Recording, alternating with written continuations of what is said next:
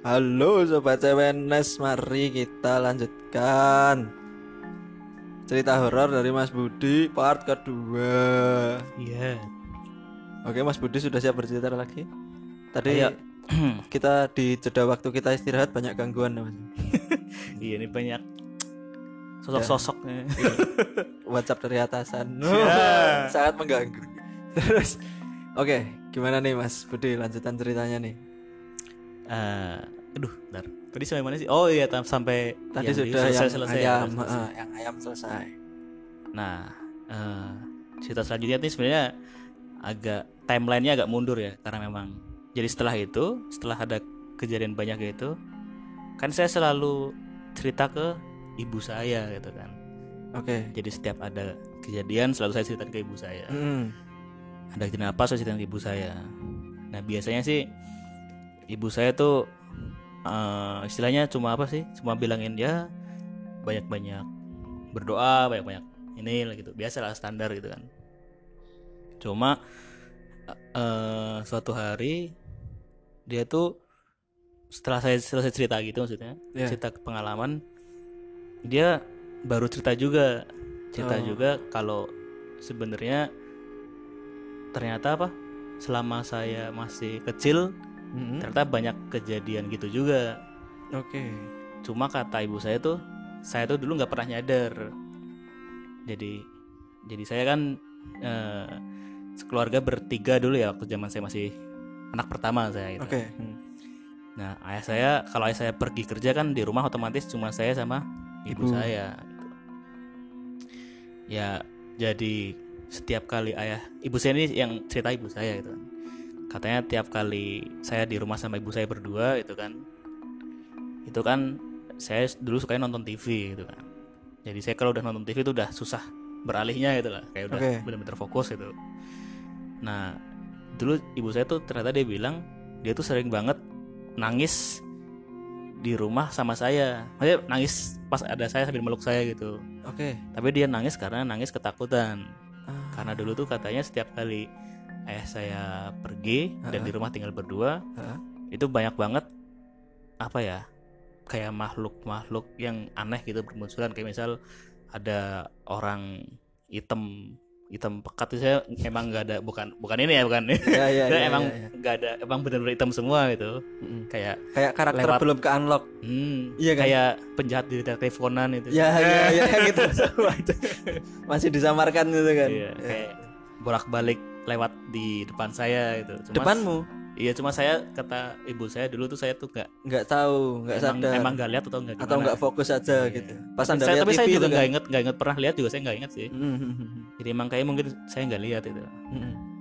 pokoknya di sekitar saya banyak banget eh, kejadian gitu sering gitu dan dulu tuh ini sebenarnya intermezzo aja sih dulu tuh ibu saya cerita kalau lagu buat nidurin saya kayak buat Nina Boboin gitu Hmm. lagunya tuh bukan kayak lagu-lagu anak-anak Mm. tapi kalau ibu saya nyanyi Ling Sirwangi baru saya mau tidur Ini gitu. nih. iya dulu tuh favorit favorit saya gitu lagu itu Oh, biar anda bisa tidur. iya nah terus Bahkan berarti sebelum terkenal di film kuntilanak kan? iya Iya kan? Iya dan dulu kan saya juga nggak tahu artinya kan bahasa Jawa gitu kan Oke. Saya nggak tahu artinya juga cuma enak aja dulu sih seingat saya seingat saya tuh enak enak didengar gitu pas ibu saya nyanyi Oke. nah terus nah kalau dia cerita lagi nah kalau yang ini saya ingat yaitu dulu tuh waktu saya kecil gitu kan Umur SD lah SD SD SD umur SD kelas berapa? eh, SD kelas dari kelas 3 mungkin ya Oke, kelas 3 Anda. kelas ada 3 kesadaran. sampai sampai ke atas lah, sampai kelas 6 juga Mm-mm. itu saya sering kayak kalau ya emang karena kan saya sering di rumah berdua sama ibu gitu dan dulu tuh saya saya tuh dulu ngaji ya ngaji tuh mulai SD juga Oke. saya tuh sering ngalami kayak misal nih misal siang-siang ibu saya tidur gitu Hmm. terus saya uh, mandi mau ngaji gitu kan Ya. mandi sore ntar saya keluar kamar mandi saya lihat ibu saya lagi masak gitu kan Ya. Nah, misal saya tanyain dia diem aja gitu. Terus saya balik ke kamar mau pakai baju, eh ada ibu saya lagi tidur gitu kan. Hmm. Nah, terus tapi tiap kali saya tanya gitu ke ibu saya dia selalu bilang iya emang ibu tadi lagi masak gitu, gitu. Oh, oke oke oke paham. nah pokoknya sering kejadian gitu Hmm. dan kayak kayak ada double gangernya ibumu. iya kan dulu saya belum tahu istilah gituan kan masih bocil itu Ya. dan saya percaya aja dulu Apa saya punya dua ibu gitu. dan dulu sering apa sih pokoknya sering ada yang manggil lah kayak misal eh, ibu lagi pergi nih Hmm. saya sendiri di rumah Mm-mm. terus saya kan kalau sendiri ya namanya bocil kan mau ngaji males gitu kan Iya sampai gede juga. Iya. Terus? jadi kayak saya kayak saya cuma tidur tiduran doang gitu kan tidur tiduran ya nunggu nunggu waktu berlalu gitu Oke. Anjir. nah biasanya itu ntar ada yang manggil saya kayak eh, Budi ngaji yuk gitu kan Suara ibumu. nah Bukan. suaranya kadang suara teman saya Hmm. suara teman ngaji maksudnya Hmm. kadang suara orang tua. Pokoknya ganti-ganti lah supaya suara orang-orang deket lah. Tapi mengajakmu untuk ngaji. iya Oke. ngingetin ngaji ayo gitu kan. Kayak suaranya ke kayak kalau teman saya suara teman saya kayak dari luar suaranya. Ah. kalau ibu saya kayak ya sekitar rumah gitu. Hahaha. dan tapi setiap kali saya liatin nggak ada orang gitu. Cuma karena itu sore-sore ya nggak serem sih gitu kan. Ya, orang jam 3 itu terus ya. Nah, malah terus terkesan ikut campur. itu jadi jadi gagal gitu kan mau dia tuh mau mangkir gitu kan Mau mangkir, tapi terus setelah ada panggilan itu Anda tetap ngaji. ngaji saya Oke, ngaji. mantap. Terus? Nah terus eh, itu waktu ibu itu waktu itu ibu saya cerita ternyata ya itu ternyata sebenarnya dia tuh emang waktu itu kayak nggak masak gitu. Jadi saya baru tahu ya waktu gede itu ternyata emang itu bukan ibu saya. Gitu. Oh, Oke, oke, oke. Nah terus ibu saya juga cerita dulu tuh sebenarnya eh, nama saya nih eh bukan kita cerita agak lebih ke ini lagi. Dulu tuh sebenarnya waktu waktu hamil saya Hmm.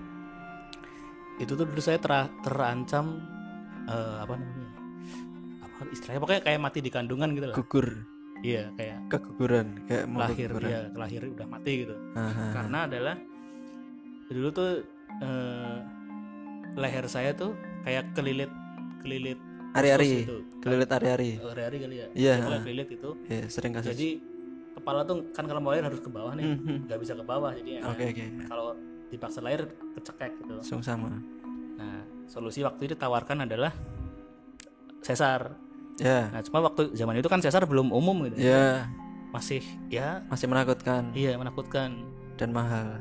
Nah, dan waktu itu eh, ayah saya ya mungkin ya sebenarnya kalau dipikir-pikir maklum aja sih ayah saya kayak mikir dia nggak mau sesar karena ya lebih milih istrinya lah Ya, Iya nggak sih? ya, ya, ya, lebih bahaya kan? buat ibu dulu ya kan. Iya kan? Anggapannya gitu ya benar. ya ya karena belum lahir anaknya gitu kan maklum aja terus jadi ayah saya pokoknya nggak mau disesar gitu Oke. nggak mau disesar dan istilahnya pengen ya siapa tahu berdoa bisa ini gitu. Mhm.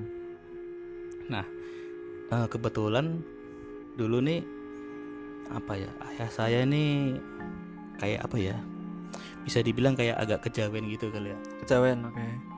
jadi eh, di desa saya kan ada kayak ada kayak hmm, apa sih istilahnya yang membangun desa itu loh Sebentar, kayak tetua gitu.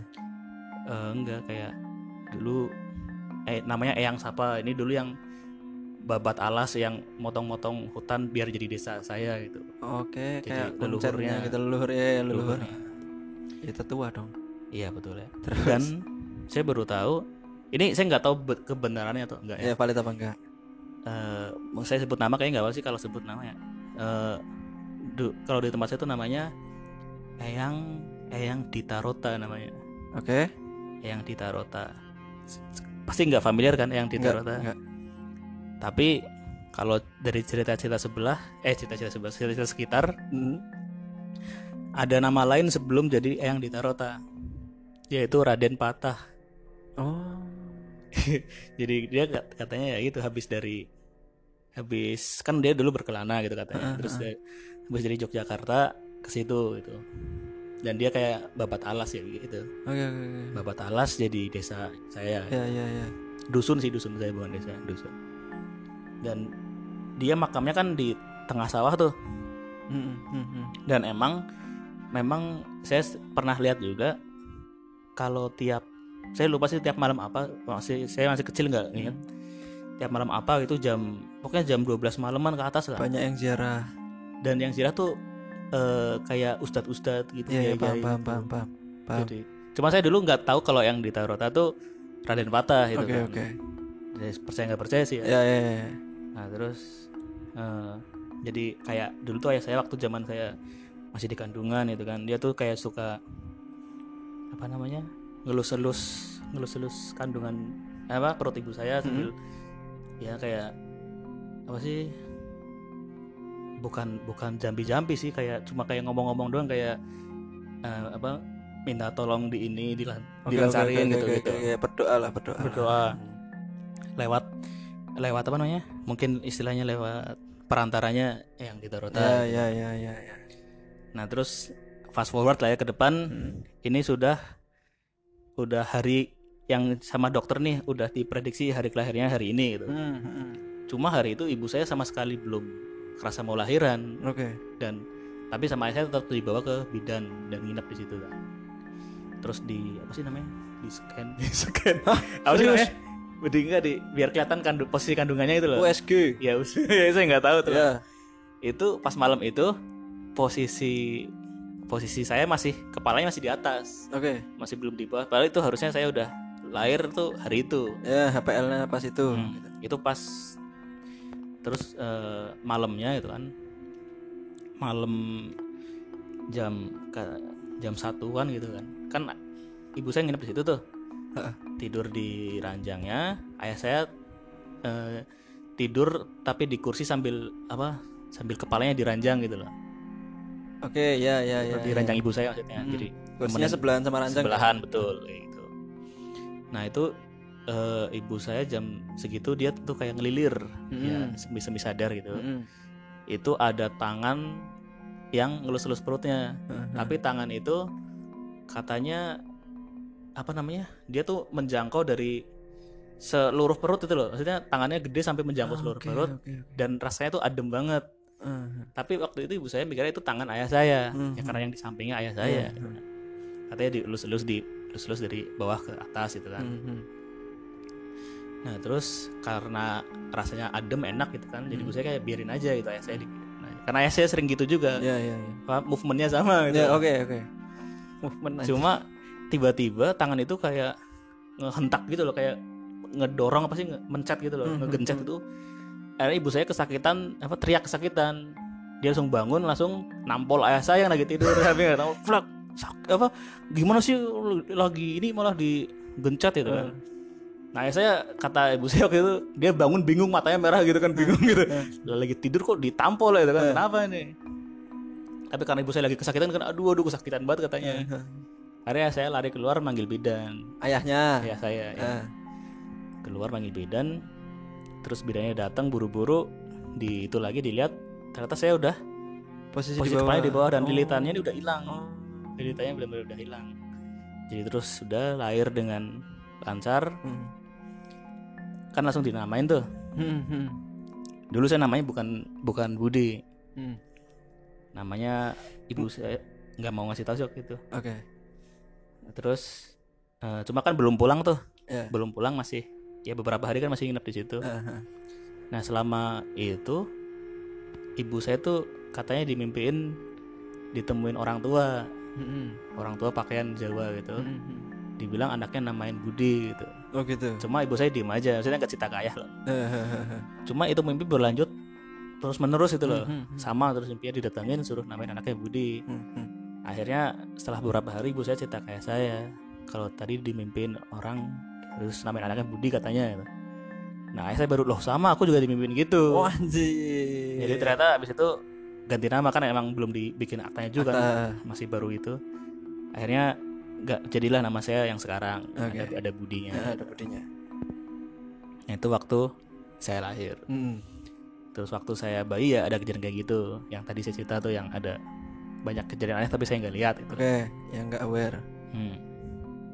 Terus eh, fast forward lagi ya, Hmm. fast forward lagi itu ini langsung kejadian-kejadian inti aja ya yang Boleh. saya boleh Biar itu waktu saya kelas 1 SMA kayaknya Satu SMA. ya jadi waktu itu saya sama ayah saya begadang nonton film kartun Age Ice Age. iya kan Oke. dulu malam-malam tuh tayangnya tuh Mm-mm. malam-malam j- setengah malam setelah selesai itu saya inget selesainya waktu itu ya jam 12-an lah jam 12 pokoknya udah selesainya jam tengah malam gitu Oke. ya biasa kalau mau tidur kan ke kamar mandi dulu oh ah, sorry sorry ini eh, info bentar Hmm. di rumah saya tuh ada ada tiga kamar Ya. kamar pertama isinya ayah ibu saya Oke. kamar kedua isinya saya Mm-mm. kamar ketiga ini ini kamar kosong dan dari kecil saya nggak pernah mau masuk kamar situ Oh gitu. Nggak tahu kenapa tapi ya. ya eh, kalau sekarang diinget pun kayak rasanya nggak enak gitu Oh gitu. ya nah terus eh, udah kita balik lagi waktu itu habis nonton SS saya ke kamar mandi Hmm.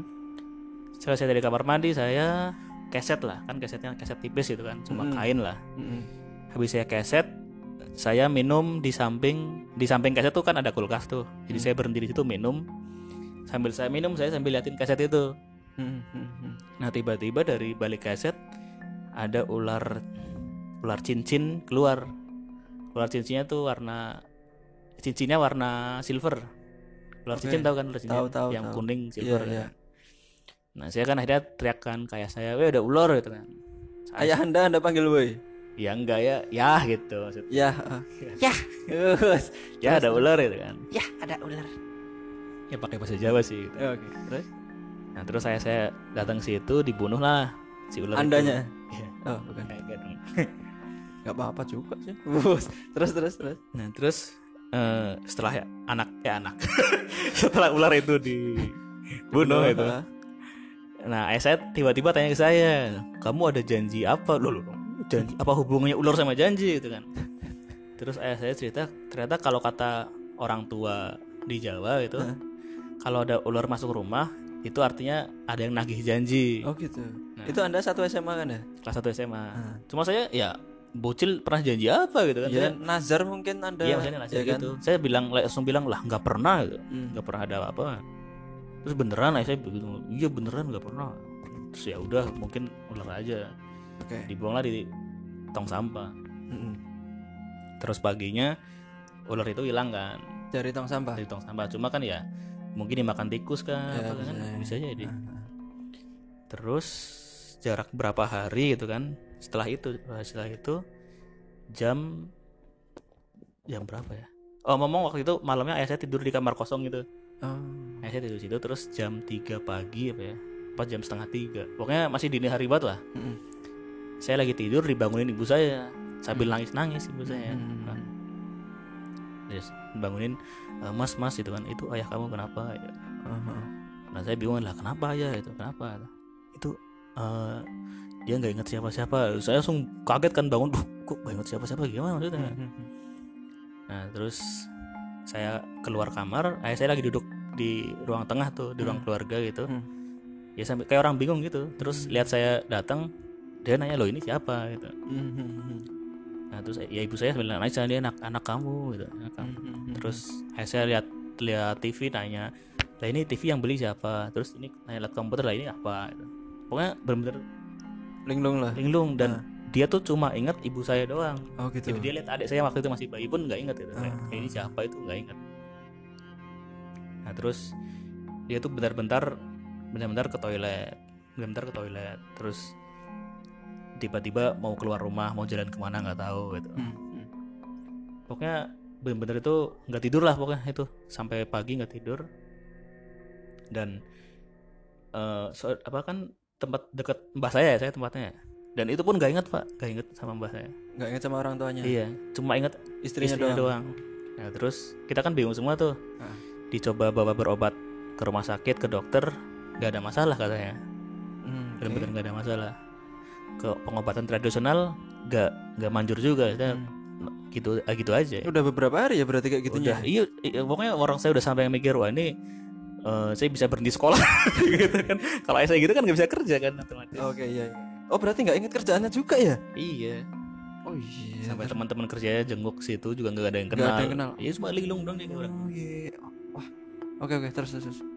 ya terus sampai suatu hari saya ah, ntar suatu hari ini kayaknya ibu saya pak saya nggak lupa sih antara ibu saya yang telepon duluan atau pak D saya yang telepon duluan itu Hmm. pokoknya kakaknya ibu saya itu Mhm. telepon telepon eh, terus tiba-tiba tuh dia langsung tahu ayah saya kenapa jadi dia Oh. dia bilang ini yang saya kan nggak dengerin teleponnya jadi saya nggak terlalu tahu isi pembicaranya tapi yang saya jelas denger adalah kalau ayah saya itu diganggu sama jin jadi dia tuh mau kesurupan tapi dia yang lawan gitu kan Oke. terus jadi kayak konslet gitu Oh bisa. Oke. Nah, terus kata dia, kata eh, Pak D saya almarhum udah almarhum sekarang. Itu yang beruntungnya adalah apa tuh? yang ngerasukin itu yang men- mencoba ngerasukin maksudnya itu jin cowoknya. Jadi kayak di, di kamar yang kosong tadi itu ternyata ada tinggal jin cewek sama cowok. Oh gitu. Dia yang mencoba merasukin itu jin cowoknya. Oke. Tapi ayahmu ngelawan. Tapi ya? ayah saya ada perlawanan. Hmm. Nah terus akhirnya konslet hilang semua ingatannya kecuali istrinya. Oke. Nah kalau yang rasukin yang cewek dia nggak bakal inget siapa siapa. Gitu. Aku juga ada kejadian gitu sih, tapi nanti lanjutin aja dulu. Oke terus eh, itu yang ini saya cerita yang pengetahuan saya sewaktu itu ya. pengetahuan saya sewaktu itu. Terus eh, ternyata itu kan ternyata dua jin ini cewek cowok ini dia udah ngikutin ayah saya sejak ayah saya masih bujang karena dulu dulu dulu tuh dia pernah kayak nazar gitu di sebuah di sebuah tempat yang ibu saya nggak mau sebutin tempatnya Oke. jadi saya nggak tahu waktu itu nggak tahu Eh. pokoknya ada nazar dan kebetulan ada yang denger jadi diikutin dan sekarang setelah nazarnya sudah ter, akhirnya udah terjadi udah terpenuhi gitu Eh. ayah saya tuh nggak mau nepatin Oh gitu. dan pak de saya bilang juga ayah saya nggak mau nepatin dan nggak mungkin ditepatin gitu pokoknya udah nggak mungkin ditepatin gitu Ya. nggak bisa lah nah terus sebagai gantinya dikasih dua pilihan waktu itu Hmm. yang satu adalah melihara eh, kayak apa ya kayak pusaka gitu Oke. cuma kan ibu saya nggak mau tuh Ya. kan, pokoknya nggak mau masalah gitu gitulah Eh. akhirnya pilihan kedua yaitu eh, kita tuh mengadakan pengajian Hmm. pengajian kayak saya kurang tahu sih isinya apa aja kan pokoknya pengajian terus nanti makanan yang disediain itu makanan dari apa sih bentar. namanya apa sih kalau yang daun-daun dikasih bumbu-bumbu gitu Pepes. pecel pecel apa sih rujak pecel ya betul lah kayak gado-gado gitu pokoknya lah cuma tujuh tujuh jenis daun gitu Eh, jadi suruh ada pengajian, tapi makanannya dari apa tadi? dari tujuh jenis daun yang berbeda gitu Eh, eh. Hmm. Terus itu pokoknya suruh diolah gitu, tapi bukan dimasak ya, maksudnya kayak dibikin kayak kayak gado-gado gitu lah ya. Oke. oke. Terus nanti harus dihabisin sama yang aji gitu. Hmm. Terus cuma saya kurang paham sih itu daun apa aja gitu. Oke. Nah terus pokoknya diadakan acara itu, terus eh, disajikan itunya makanannya. Dan emang saya kan nyobain juga tuh, ya emang enak sih. Oh enak emang. emang enak Oke. terus jadi istilahnya bener-bener tanpa dibilangin suruh habisin pun udah habis gitu Ya ya ya.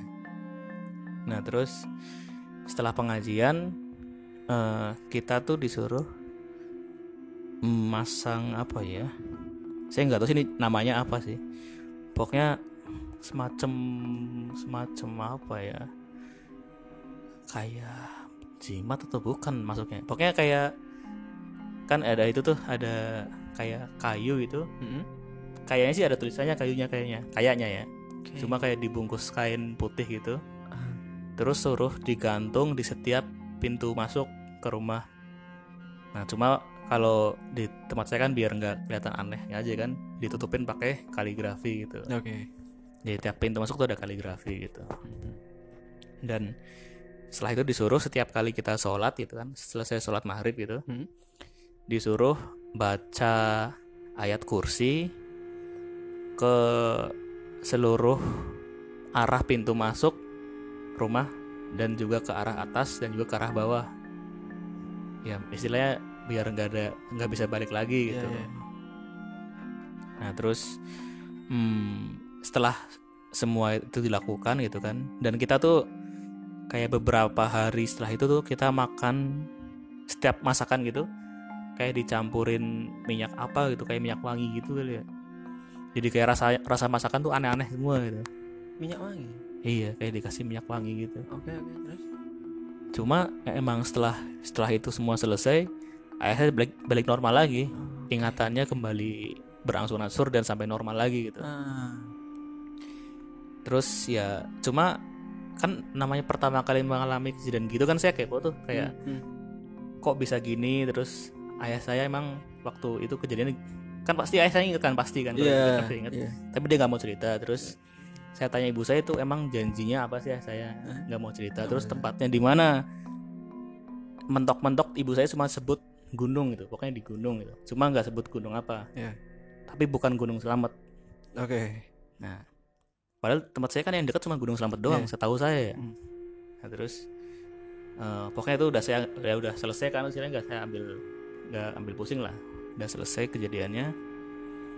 Terus eh, jadi waktu saya saya waktu saya mulai sebenarnya sih waktu mulai kerja ya mulai kerja tuh saya punya kakak kelas nih. Kakak kelas saya tuh punya cewek nih. Punya pacar itu Iya. dan pacarnya nih anak-anak indie home gitu. Ya ya. Indie home gitu Mas Agus. Iya. Dan ya dulu tuh sih nggak deket sama saya dulu. Cuma setelah mereka putus gitu pacarnya kakak kelas saya ini de- deket sama saya. Oh anda tikung. Ya nggak dikung ya. Ya horor sih. Kan kasihan kan ceweknya. Oke. Kan jadi deket sama saya. Nah terus ini ini nggak sengaja sih. Saya awalnya tuh nggak tahu dia tuh indie home saya nggak tahu. Saya nggak tahu dia indie home pernah sih pernah kakak kelas saya cerita kalau kayaknya cewek cewek gue bisa ini dah itu kan. Cuma saya waktu itu kan nggak nggak percaya gitu kan. Ya. Nah terus waktu PDKT waktu maksudnya waktu saya dekat sama dia pun ini nggak pernah ada kejadian apa apa itu Hmm. cuma suatu hari saya pernah eh, ngirim foto rumah rumah kedua. Saya kan rumahnya ada dua nih. Hah? rumah yang utama yang ditinggalin sama satu lagi rumah kayak buat jualan gitu. Oke. Nah suatu hari saya ngirim rumah buat jualan saya yang Yang buat foto. jualan yang foto. Karena istilahnya ya lagi pamer aja kayak weh ini aku punya bukan. aset banyak. Eh, bukan baru aku lagi pamer apa buka usaha baru gitu kan semoga ini ya doain oh, gitu. anjir. oke yes bisa Eh, tiba- aja. tiba-tiba si bocah ini malah eh ini malah komentar wah eh, suram juga ya but loh kan saya uh suram apanya nih? Gitu. Terus tiba-tiba dia bilang iya itu di oh dia tiba-tiba bilang kayak di itu di sebelah sini ada genderuwonya di sini ada itunya gitu kan. Dari foto itu gitu. Oke. Ya sebenarnya sih itu kan hal normal untuk bocah-bocah indie home itu kan. Oke. mungkin ya. Terus tiba-tiba dari situ yang agak bikin saya wow sama dia tuh dia tiba-tiba menjalar ke dalam rumah. ke orang-orang ya ke keluarga saya. Kayak Ah. misal kayak misal waktu itu ya. Ah. ini saya saya ceritain yang berhubungan dengan kejadian ini aja. Ya ya. Kan banyak dari cerita itu pokoknya yang yang tiba-tiba dia cerita adalah eh but ayah kamu gombal tuh enggak enggak dia Oke. eh, ayah kamu pemarah ya itu kan Mm-mm.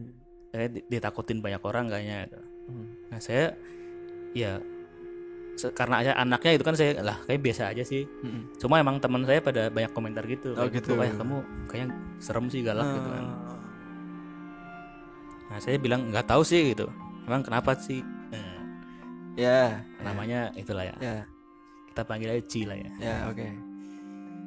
Nah terus eh, sangci tiba-tiba dia cerita tuh kalau eh, ayah saya tuh ada apa istilahnya ada yang ngikutin tapi penjaganya gitu. Kayak ya, pegangannya kali ya, Ya, gitu, ya, ya. karena kejawen gitu. Mm-mm. nah terus saya waktu itu pura-pura nggak tahu kan saya oh oh iya baru tahu ya baru tahu saya gitu kan. Nah terus saya tanya itu itu wujudnya apa sih? Gitu kan. Terus dia bilang oh itu harimau bu gitu kan. Nah terus saya tanya lagi loh "Eh, itu harimau ya bukan bukan cewek cowok itu kan. Hmm. nah, terus dia bilang oh bukan bud itu beda lagi. Kalau yang cewek cowok itu itu ngikutin ayah kamu dari gunung Wah, gunung anjing. A ini sebutin nama gunungnya Oh, pak sama gitu. dia langsung saya kaget kan lu lu lu kok bisa tahu Eh, gitu eh, eh, eh, eh. terus eh ya udah saya pura-pura bego aja kan Saya, Eh. lah eh, itu ngikutin gara-gara apa gitu. Hmm, hmm. nah terus langsung diceritain semua tuh sama teman yang itu saya diceritain kalau katanya ternyata ayah saya waktu muda gitu kan Hmm. ceritanya hampir sama persis sama yang diceritain Pak sama D. Pak D Ah, dia tuh pergi ke gunung dan di gunung itu ada sebuah makam hmm, dia pergi tuh sama teman-temannya ya Hmm. anak bujangan zaman dulu gitu hmm. katanya dia ke sono naik sepeda gitu harusnya sih nggak jauh-jauh banget terus saya naik sepeda ya. Hmm, nah terus cuma saya tuh baru pernah denger sama gunung itu loh Oh gitu. dan saya cari di peta tuh nggak ada Oh gitu. iya mungkin nama nama nama lokal kali mungkin ya atau mungkin sebuah bukit doang atau mungkin Oke, oke, bukan oke. gunung beneran pokoknya ada sebuah makam dan situ kayak beneran ayah saya kayak, kayak nazar kayak kalau nanti saya eh, berhasil gini saya bakal ini gitu Hmm. dan itu didengar sama itu jinnya gitu jadi sejak saat itu dia ngikutin ayah saya sampai ayah saya bikin rumah mereka tuh milih satu kamar gitu. Hmm. tetap di kamar itu dan mereka tuh selalu nunggu janji ayah saya gitu. Oh, oke oke. Dan saya nanya lagi kan isi janjinya apa Mm. teman saya ini nggak mau cerita Oh gitu. kayak mending kamu gak usah tahu bud gitu Oh, Oke oke. pokoknya dia cuma bilang pokoknya ayah dia waktu itu ya bahasa dia tuh pokoknya yang kamu perlu tahu cuma eh, eh, janji itu nggak mungkin ditepatin sama ayah kamu oke. terus eh, dia tuh dan ayah kamu kamu tuh anak kesayangan ayah kamu gitu Oke. kan saya agak bingung loh apa hubungannya nempatin nggak bisa nempatin janji sama tiba-tiba dia bilang saya tuh anak kesayangannya saya ah. anak yang paling dibanggakan gitu Ah, sebenarnya dan karena itu katanya nggak mungkin janji itu ditepatin sama saya Hmm. nah terus eh, ya itu kat- katanya kejadiannya ya itu karena waktu mau dimasukin ada perlawanan itu kayaknya mungkin konflik itu ya antara penjaga sama itunya kan Iya iya iya. jadi saya konslet gitu Iya. nah terus eh, ya sebenarnya sih banyak apa ya banyak fakta tentang ayah saya yang terungkap di situ itu yang saya pun nggak tahu dan ibu saya pun nggak tahu juga Eh, Enggak tahu dia- merahasiakan. yang pertama ada yang dia emang tahu dirahasiakan Hmm. ada yang emang dia nggak tahu beneran nggak tahu oke. dan itu bener-bener apa ya waktu saya dengar tuh bener-bener serem lah pokoknya nggak bakal menyangka kalau keluarga kita tuh gitu Hmm, hmm, hmm.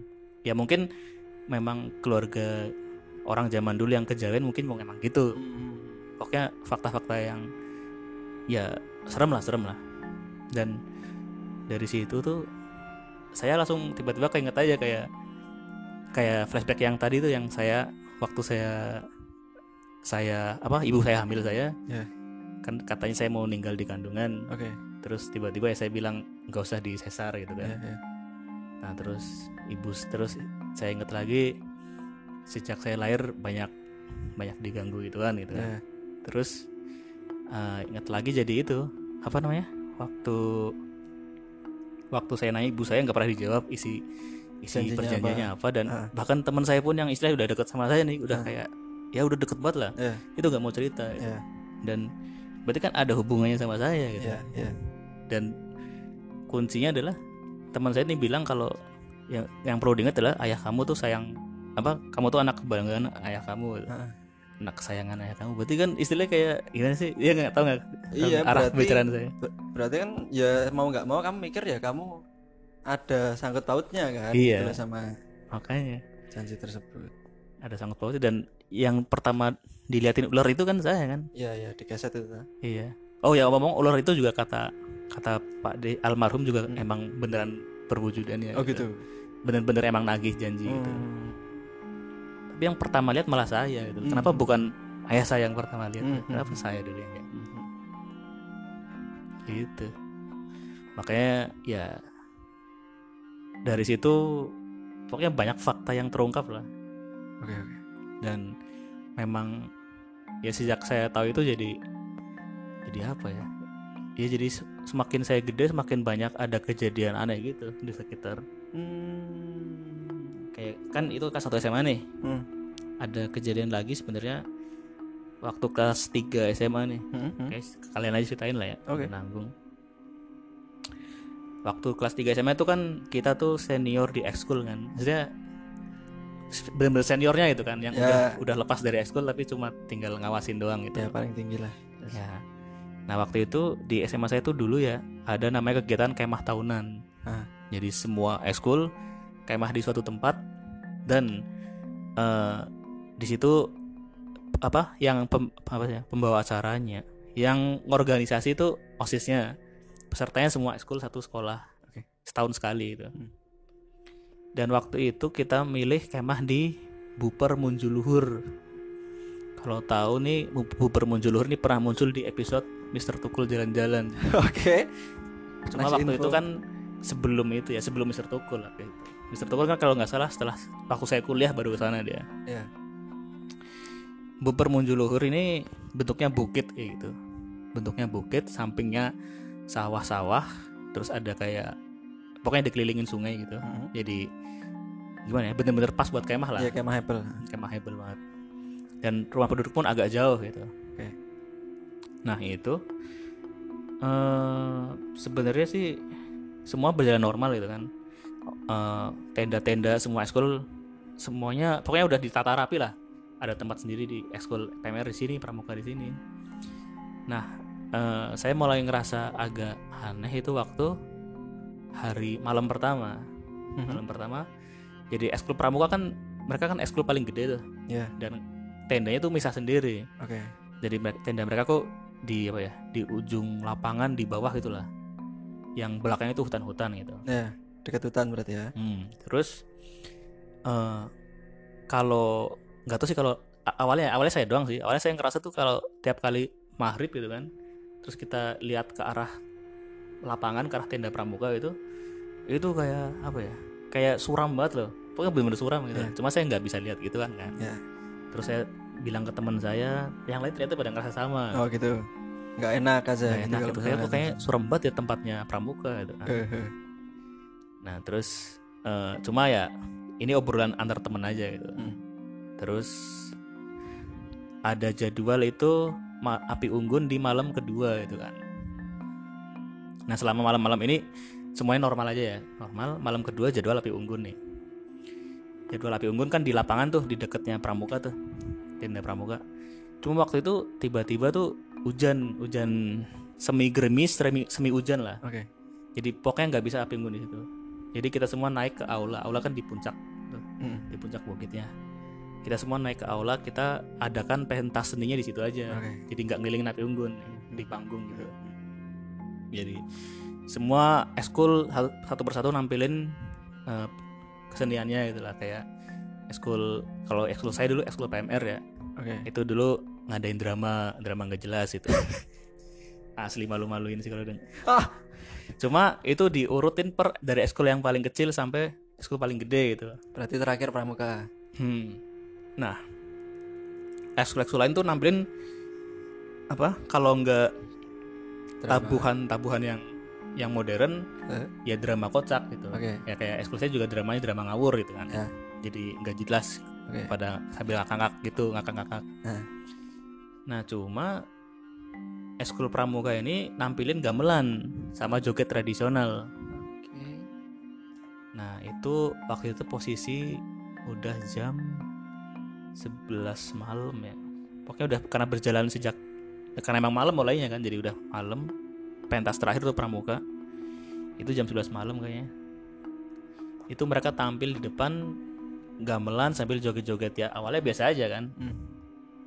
cuma setiap eskul kan dikasih waktu 15 menit tuh Yep. 15 menit waktu udah 15 menit kan panitianya kayak kayak Ya, ya. tangannya kayak time out time out gitu Ya, Kayak udah, udah, udah, selesai Durasi, durasi. ya nah cuma pramuka tetap jalan aja nih Tetap lanjut. tetap main nah jadi yang lain kan kayak mungkin ah ya mungkin emang namanya eskul gede kan sosokan Ya, sebenarnya ya, ya, ya. Fasisme. Iya. Wah, terus? terus tiba-tiba teman saya yang di sebelah saya nih Hmm? yang sama-sama kakak kelas kan kita di belakang sendiri kakak kelas tuh kayak cuma nonton doang Hmm. tiba-tiba teman saya bilang e, bud dengar suara gong nggak gitu Anjing. masalahnya pramuka nggak ada yang main gong Iya, nih iya, iya. terus saya dengerin kan ternyata bener pak kayak ada gong yang ngiringin irama mereka kayak dong Iya. dong gitu Itu Anda dengar juga? denger juga dan pokoknya kan itu agak lama kan mainnya kan Hmm. jadi saya tanya teman saya sebelah saya juga denger juga Dengar juga. pokoknya kayak dan saya juga sempat dengar kayak bisik-bisikan dari orang-orang sebelah juga pada Hmm. itu ada gong ada gong gitu Hmm. ada gong nah terus saya lihat itu saya lihat tuh yang nari kan awalnya kayak agak masih narinya Kaku-kaku. bocah kan kaku gitu Iya, kan terus kan lihat ke depan gitu kan Hah. penonton Hah. eh tahu-tahu si bocah ini narinya lemes gitu kan Luas Maksudnya- tiba-tiba. bukan apa sih gemulai gitu loh Iya, iya, iya. Terus yang main gamelan tuh, Hah? dia tuh nggak liatin gamelannya, tapi liatin ke bawah gini kayak udah kayak udah apal banget itu mainnya loh. Nah pas lagi sih kayak gitu kan, kok saya langsung bilang teman saya kan, kok kayaknya ada yang nggak beres itu kan. Hah? Pas saya bilang gitu, depan saya kan cewek nih, Hah? ada apa eh, yang masih ekskul itu loh, ada di kelas, tiba-tiba jatuh ke saya, jatuh kesurupan. Surupan langsung saya mau teriak kan, weh tolongin tolongin, pada jatuh semua tiba-tiba pak, yang cewek-cewek itu, pada jatuh jatuh jatuh, wah anjir, kesurupan masal kan, Asik. kesurupan masal Ya, tuh, cewek-cewek semua ya? cewek-cewek semua nggak ada nggak ada cowok yang kesurupan, Oh, iya? cewek-cewek semua ya. Itu jumlahnya banyak banget pak, ya orang satu sekolah gimana ya? Anjing gender bias. Terus terus. Itu kesurupan, cewek-ceweknya pada kesurupan nih. Aha. Lah kan kalau orang kesurupan kan satu orang yang megangin nggak cukup satu atau dua, ya. Mhm. soalnya berontaknya kan keras banget. Iya, ya. ha. Jadi dipengen tiga orang, empat orang gitu kan, dan tetap kewalahan itu. Akhirnya kita telepon kepolisian sama, wih, sama balai desa Oke. Nah terus eh, kita apa? Gak lama lah, gak lama kemudian polisi datang pakai yang truk gitu loh, truk polisi itu. Ya, ke Gana itu. Iya. Datang terus yang dari desa juga bawa pick up gitu, mobil pick up Hmm, datang. hmm, hmm. Kita angkut-angkutin tuh. Ya, kesurupan. Anjing, ya. Banyak soalnya, Pak. Nah, terus kejadian yang agak merindingnya adalah waktu kita karena kata-katanya lama tuh, Heeh. karena satu-satu dan juga banyak berontak gitu kan. Itu kan di aula tuh, semuanya di aula ya. Di aula tuh tiba-tiba teman saya bilang, "Weh, itu ada ada muka gede banget di jendela." Jadi kan aulanya tuh kayak akuarium gitu kan, jadi semuanya dikeliling jendela kaca yang gede gitu. Oke. Nah, saya lihat lah mana gak ada apa-apa gitu. Ha, ha. Bener-bener gak ada apa-apa. Nah, terus teman saya liatin HP, HP dia kan. Ini lihat di foto itu. Dan di foto beneran kan di foto krek gitu. Di foto itu kelihatan kan jendelanya hampir full apa ya? Hampir full satu dari bawah sampai Full atas dinding gitu, Full ah. dinding, hampir full dinding. Dan banyak gitu. Jadi Hah, ada hah. satu jendela isinya cuma kayak setengah muka. Cuma muat setengah muka. Ada yang satu jendela cuma kayak kelihatan setengah badan pocong karena tingginya saking tingginya. Kelihatan di foto itu. Kelihatan di foto. Ada yang Bajingan. ada yang cuma kelihatan banyak banyak segala setan tuh kayak jenisnya banyak lah ada, ada yang di cuma foto itu. cuma kaki doang gitu Cuma Anda nggak lihat kan? nggak lihat Cuma kalau di foto ketangkep. ditangkap dulu saya sempat sempet nge-save di HP lama saya HP Nokia Hmm, gitu hmm, kan hmm, cuma udah hilang ya Oke oke oke. oke. pokoknya dulu temen saya sampai foto-foto gitu kan dan bener-bener kelihatan gitu nah kan jadi suasana horor banget kan waktu itu Iya, kan iya, iya. mana habis habis semua polisi pergi nih Hmm? nggak balik lagi jadi yang tersisa di situ kan orang-orang yang survive nggak kesurupan Iya. dan habis ada banyak penampakan gitu kan nah gimana? semua orang pada lari keluar kan lari keluar keluar di lapangan gitu mereka pada dikumpulin apa sih melingkar gitu sambil pelukan gitu loh emang sengaja dibilangin gitu Iya. jangan ada yang ngelamun terus apa gitu kan. iya. nah masalahnya adalah di lapangan nggak ada karpet dan nggak ada apa pun gitu Hmm, hmm, hmm. Jadi harus ada orang yang turun ke tenda-tenda buat ngambilin ya karpet, kasur, Iya, semua iya, segala iya, macam. iya. Kebetulan waktu itu saya sebagai kakak kelas dikasih tugas seksi keamanan. Dan akhirnya saya bersama satu teman saya Hmm. bertanggung jawab untuk satu ekskul itu. Oke. Ekskul PMR apa? turun ke tenda PMR ngambil Karpet lah, karpet, tiker lah. stiker semuanya pokoknya. Nah, itu apa namanya? Tenda PMR itu kan berseberangan dengan tenda pramuka. Hmm. Waktu itu yang berani pertama turun adalah PMR, saya Hmm. sama teman saya. Oke. Karena ya gimana ya? PMR kan isinya cewek semua jadi Oke. nggak mungkin nggak mungkin kita kasihan lagi lah kalau Ya, di- ya, ya, dibiarin ya. itu. Jadi kita udah turun aja turun Cukup aja. gentle. ya. Terus? iya waktu jalan ya udah kita turun ke tenda sama saya sama teman saya berdua itu Hmm. dan eh, waktu jalan kan emang jalannya tuh agak jauh tuh dan gelap gitu kan Hmm.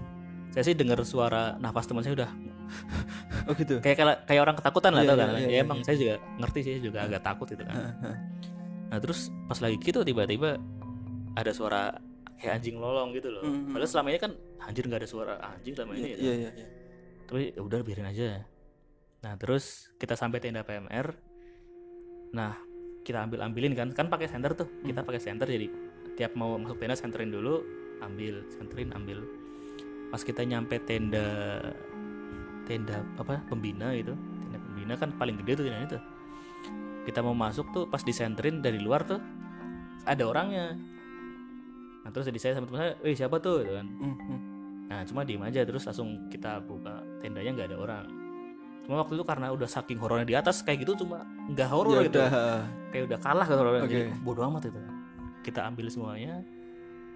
Pokoknya singkat cerita lah ya, langsung eh, kita semua nggak ada yang tidur sampai pagi. Hmm. Waktu pagi saya baru nyadar waktu lihat HP ya, Hmm. baru nyadar kalau itu tuh ternyata kemarin tuh malam Jumat dan Jumat Kliwon. gitu. Oh gitu. Iya. Dan pas banget hujan gitu kan. Nah terus paginya nih ya, paginya kan hari Jumat kan Jumatan tuh. Hmm. Otomatis kita harus mandi dulu kan. Oke. Karena di Buper mandinya kan jadinya di sungai. Oke. Nah, karena PMR itu eskulnya cowoknya cuma 6 Hmm. Mandilah kita berenam di sungai. Habis mandi, su- sungai kan ada dua seberang nih, Hmm, ada hmm. dua seberang. Setelah selesai teman saya yang lima ke sebelah kiri sungai, saya di sebelah kanan sungai. Oke. Nah sebelah kanan sungai itu sebenarnya lebih kalau dilihat sekilas lebih aman sih karena Oke. belakangnya itu cuma ada dua pohon pisang sama sawah itu jadi cerah banget itu kan. Nggak terlalu suram. ah. Iya nggak serem. Kalau di sebelah kanan malah belakangnya kayak Yang kiri. yang eh sorry yang kiri malah ada pohon-pohon-pohon gitu. Nah. Jadi saya milih sebelah kanan kan. Nah saya lagi baru pakai pakaian gitu lah, belum lengkap pakaiannya. Dengar ada suara cewek minta tolong dan itu jelas banget kayak di belakang persis gitu. Hmm, hmm. ya tolong tolong tolong gitu. nah saya nengok ke belakang wah anjir ini cuma ada pohon pisang doang belakang saya nih dan cuma ada sawah kan terus wah ini nggak beres nggak beres terus saya tahan-tahan kan saya sok-sokan slow gitu kan sokan slow Hmm. saya bilang eh sini bentar dong ke teman saya itu kan eh sini bentar Oh, biar teman- teman tapi ya. saya nggak mau bilang ada Iya itu iya iya. Terus mereka bilang ah males lah ngapain sih gitu. mereka udah pada pakai baju gitu kan nggak mau nyebrang sungai gitu. nah semakin saya bilang gitu tiba-tiba di belakang saya suara rame buat ke suara pasar gitu pak pokoknya banyak banget suara rame gitu lah kayak lagi di pasar dan saya lihat belakang lagi lah cuma ada sawah sawah sepi gitu sawah sepi anjir. nah terus ya udahlah saya bodo amat saya belum selesai pakai bajunya saya langsung lari. Di sungai kan? Nah terus kayak mereka pada bingung kan kenapa put? Kenapa put? Itu udah udah nggak apa balik balik aja balik aja. Kita balik ke tenda nih. Sampai tenda baru saya cerita tadi ada kayak gini. Nah mereka pada oh alah anjir untung gue di sebelah sini gitu kan. Kurang ajar semua.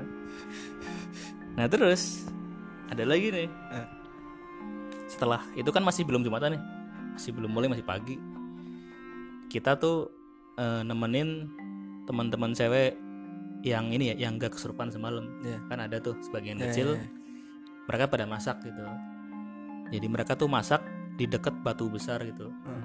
ya memang tenda kita di sekitar situ di dekat batu besar itu mereka masak di dapurnya di situ gitu nah ada salah satu cewek cewek ini sehari harinya suka bercandaan gitu kan Hmm.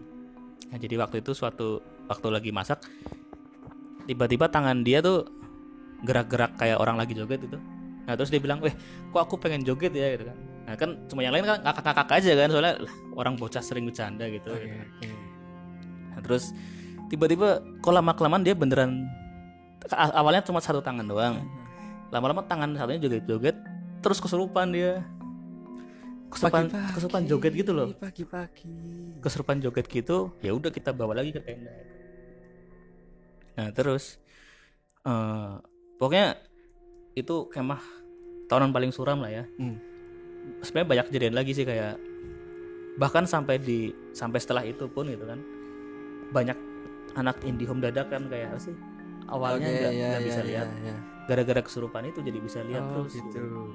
jadi di sekolah sering ada orang nangis sendiri tiba-tiba ketakutan gitu Oh, kebawa ke sekolah. iya terus ada ada yang kesurupan juga di sekolah jadinya nah ah, ini agak fast forward ya Eh. waktu kuliah waktu Mister Tukul jalan-jalan ke Purbalingga Mm-mm. kan itu dikunjungin salah satunya Buper itu Ya. Nah, buper itu mereka yang dikunjungi di buper itu ternyata adalah batu yang waktu itu teman saya kesurupan. Oh gitu. Pas masak itu. Iya, masalahnya Oh. adalah waktu dia kesurupan itu sebenarnya tuh yang tahu cuma orang-orang yang lagi di situ. Jadi yang lain sebenarnya nggak tahu ada orang kesurupan joget-joget tuh Iya, nggak ada yang iya, tahu. iya. Nah, terus waktu Mister Tukul di situ kan Mister Tukul kan jalan-jalan sama si mbak-mbaknya tuh yang anak yang IndiHome juga tuh. Ya, ya. Saya lupa namanya. Mm. Bisa cari di YouTube tuh ada. Oke. nah, terus itu dia di batu itu, di batu yang sama waktu saya kemah itu. Heeh.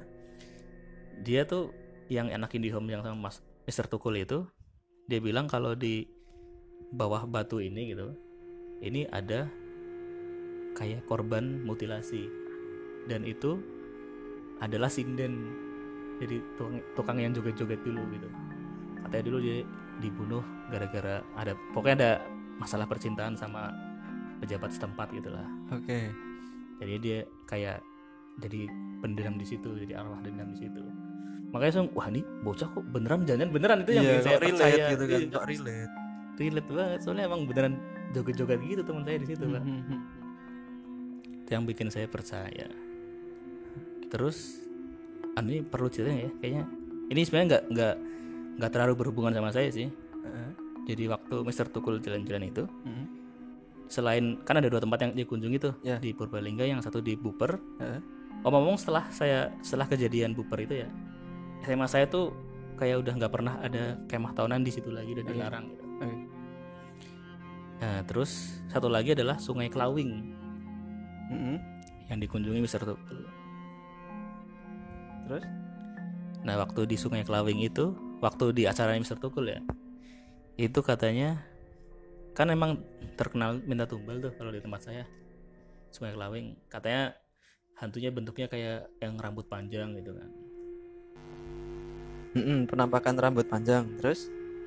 Nah, katanya tuh yang narik-narik orang biar tenggelam tuh katanya kan rambut panjang itu. Oke. Cuma kan ya saya agak skeptis juga karena ya belum belum pernah melihat, mengalami ataupun ada pernah kenal orang yang kayak gitu loh. Jadi Oke. kayak ah ini bisa aja tiba-tiba gitu. Ya.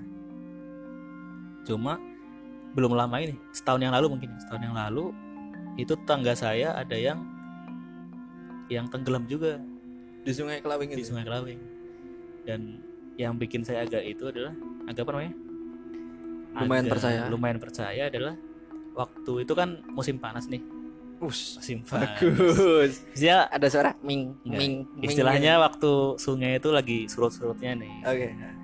jadi waktu itu lagi liburan semester gitu ini bocah bocah lulus SMP naik SMA gitu.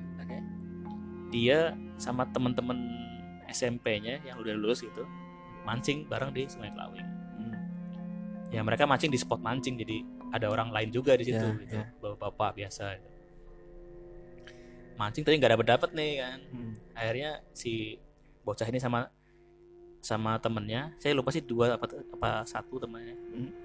itu turun mandi bareng di situ ya orang gak dalam gitu kan istilahnya nah, mereka mandi di situ. Ya deket bawa bapak mancing kan gua banyak yang lihat gitu kan sekitar itu. Orang bocah mandi sambil mancing gitu. Nah terus katanya tiba-tiba eh, ini yang cerita temennya ya Iya. itu waktu lagi mandi tiba-tiba si bocah ini yang tenggelam ini tiba-tiba kayak dia kayak lagi nyelam kan biasa kan. Kalau mandi-mandi kan nyelam-nyelam gitu kan. Hmm. nyelam-nyelam Nah, tapi kebalik bener sampai kebalik jadi kakinya di atas itu. Nah terus eh, sama temen ini kan dipegang kakinya gitu. Heeh. ya mungkin mau main-main atau gimana gitu. ah. eh malah ketarik ke bawah kan. Nah terus jadi temennya tarik tarikan itu loh jadi kayak ada yang narik dari bawah temennya ini narik kakinya. Ke atas. ke atas. Cuma katanya bener bener-bener kuat, Kuat, tarikannya. sampai lepas kakinya tuh. Maksudnya enggak pegangan Lepas di dari genggaman. lepas dari genggamannya Oke. dan langsung bener-bener langsung hilang katanya. Langsung langsung tes langsung hilang. Ya udah. Jadi yang lihat apa saksi matanya banyak di situ gitu. Hmm. dan ya standar lah kalau di kalau di orang hilang orang hilang di sungai itu kan dicari nggak ketemu tiga hari kemudian baru ketemu. Ya itu yang bikin saya wah ini spot-spotnya emang kayaknya beneran itu. Angker. Iya. Anjing, Angker. sampai- Maksudnya sampai ada tarik-tarikan gitu Iya. jadi adegan tarik-tarikan. Dan dilihat juga kan sama Iya. orang-orang sekitar kan dilihat juga sama orang-orang yang mancing gitu. Ya, kalau cuma berdua kan mungkin aja temennya nggak sengaja membunuh atau gimana Iya. gitu kan terus ngarang cerita Iya, biar gitu. dia nggak disalahin. Tapi kan ini banyak yang lihat. Ra- banyak yang lihat ramai di situ. Itu juga kayaknya masuk berita juga deh kayaknya deh. anjir. Itu. Kayaknya itu aja sih. Oke oke oke. Anjing lah. Itu tetangga anda sendiri ya? Tetangga saya. ya. Oke, kalau begitu para pendengar, saya sudah bergidik juga. Ini ada tulisan merah di sini. Ah, Oke, kalau begitu ini makasih Mas Budi nih. oh, iya, iya. pengalaman horornya ternyata sangat banyak ya. Mulai dari kecil dan lumayan. sampai ke dunia kerja. Ini jangan-jangan sebenarnya di dunia kerja juga masih banyak ya? wah ini enggak enggak enggak, enggak. jarang jarang Eh, jangan deh. Kan Jangan, kita juga masih kerja di sini. Iya. Kayaknya jangan dulu jangan deh. jangan ya Jangan dulu. jangan, jangan, jangan. Oke, kalau begitu para pendengar, makasih ya Mas Budi atas ceritanya ini. oke sama-sama Tapi tetap ingat ya Mas Budi ini mukanya kayak kebab Turki. hey Pokoknya poin yang bisa kita ambil di sini adalah Mas Budi mukanya kayak orang eksibisionis. kurang aja Oke, thank you thank you Bud. oke sama-sama Sip. Oke, para pendengar CPNS cuma pengen ngobrol santai, kita kembali lagi ke bukan kembali sih. sampai jumpa Nah, sampai jumpa bener sampai jumpa di episode-episode selanjutnya. Entah dengan narasumber yang mana lagi, bisa dengan Mas Dev ke konten problem atau horor lagi entah dengan siapa atau cerita tentang percintaan bersama orang pati nanti. saya mengambil ini, Bro. Mengambil pendengar orang pati saya ini kebanyakan. ya Oke, kalau begitu. Sampai jumpa lagi. Bye. bye bye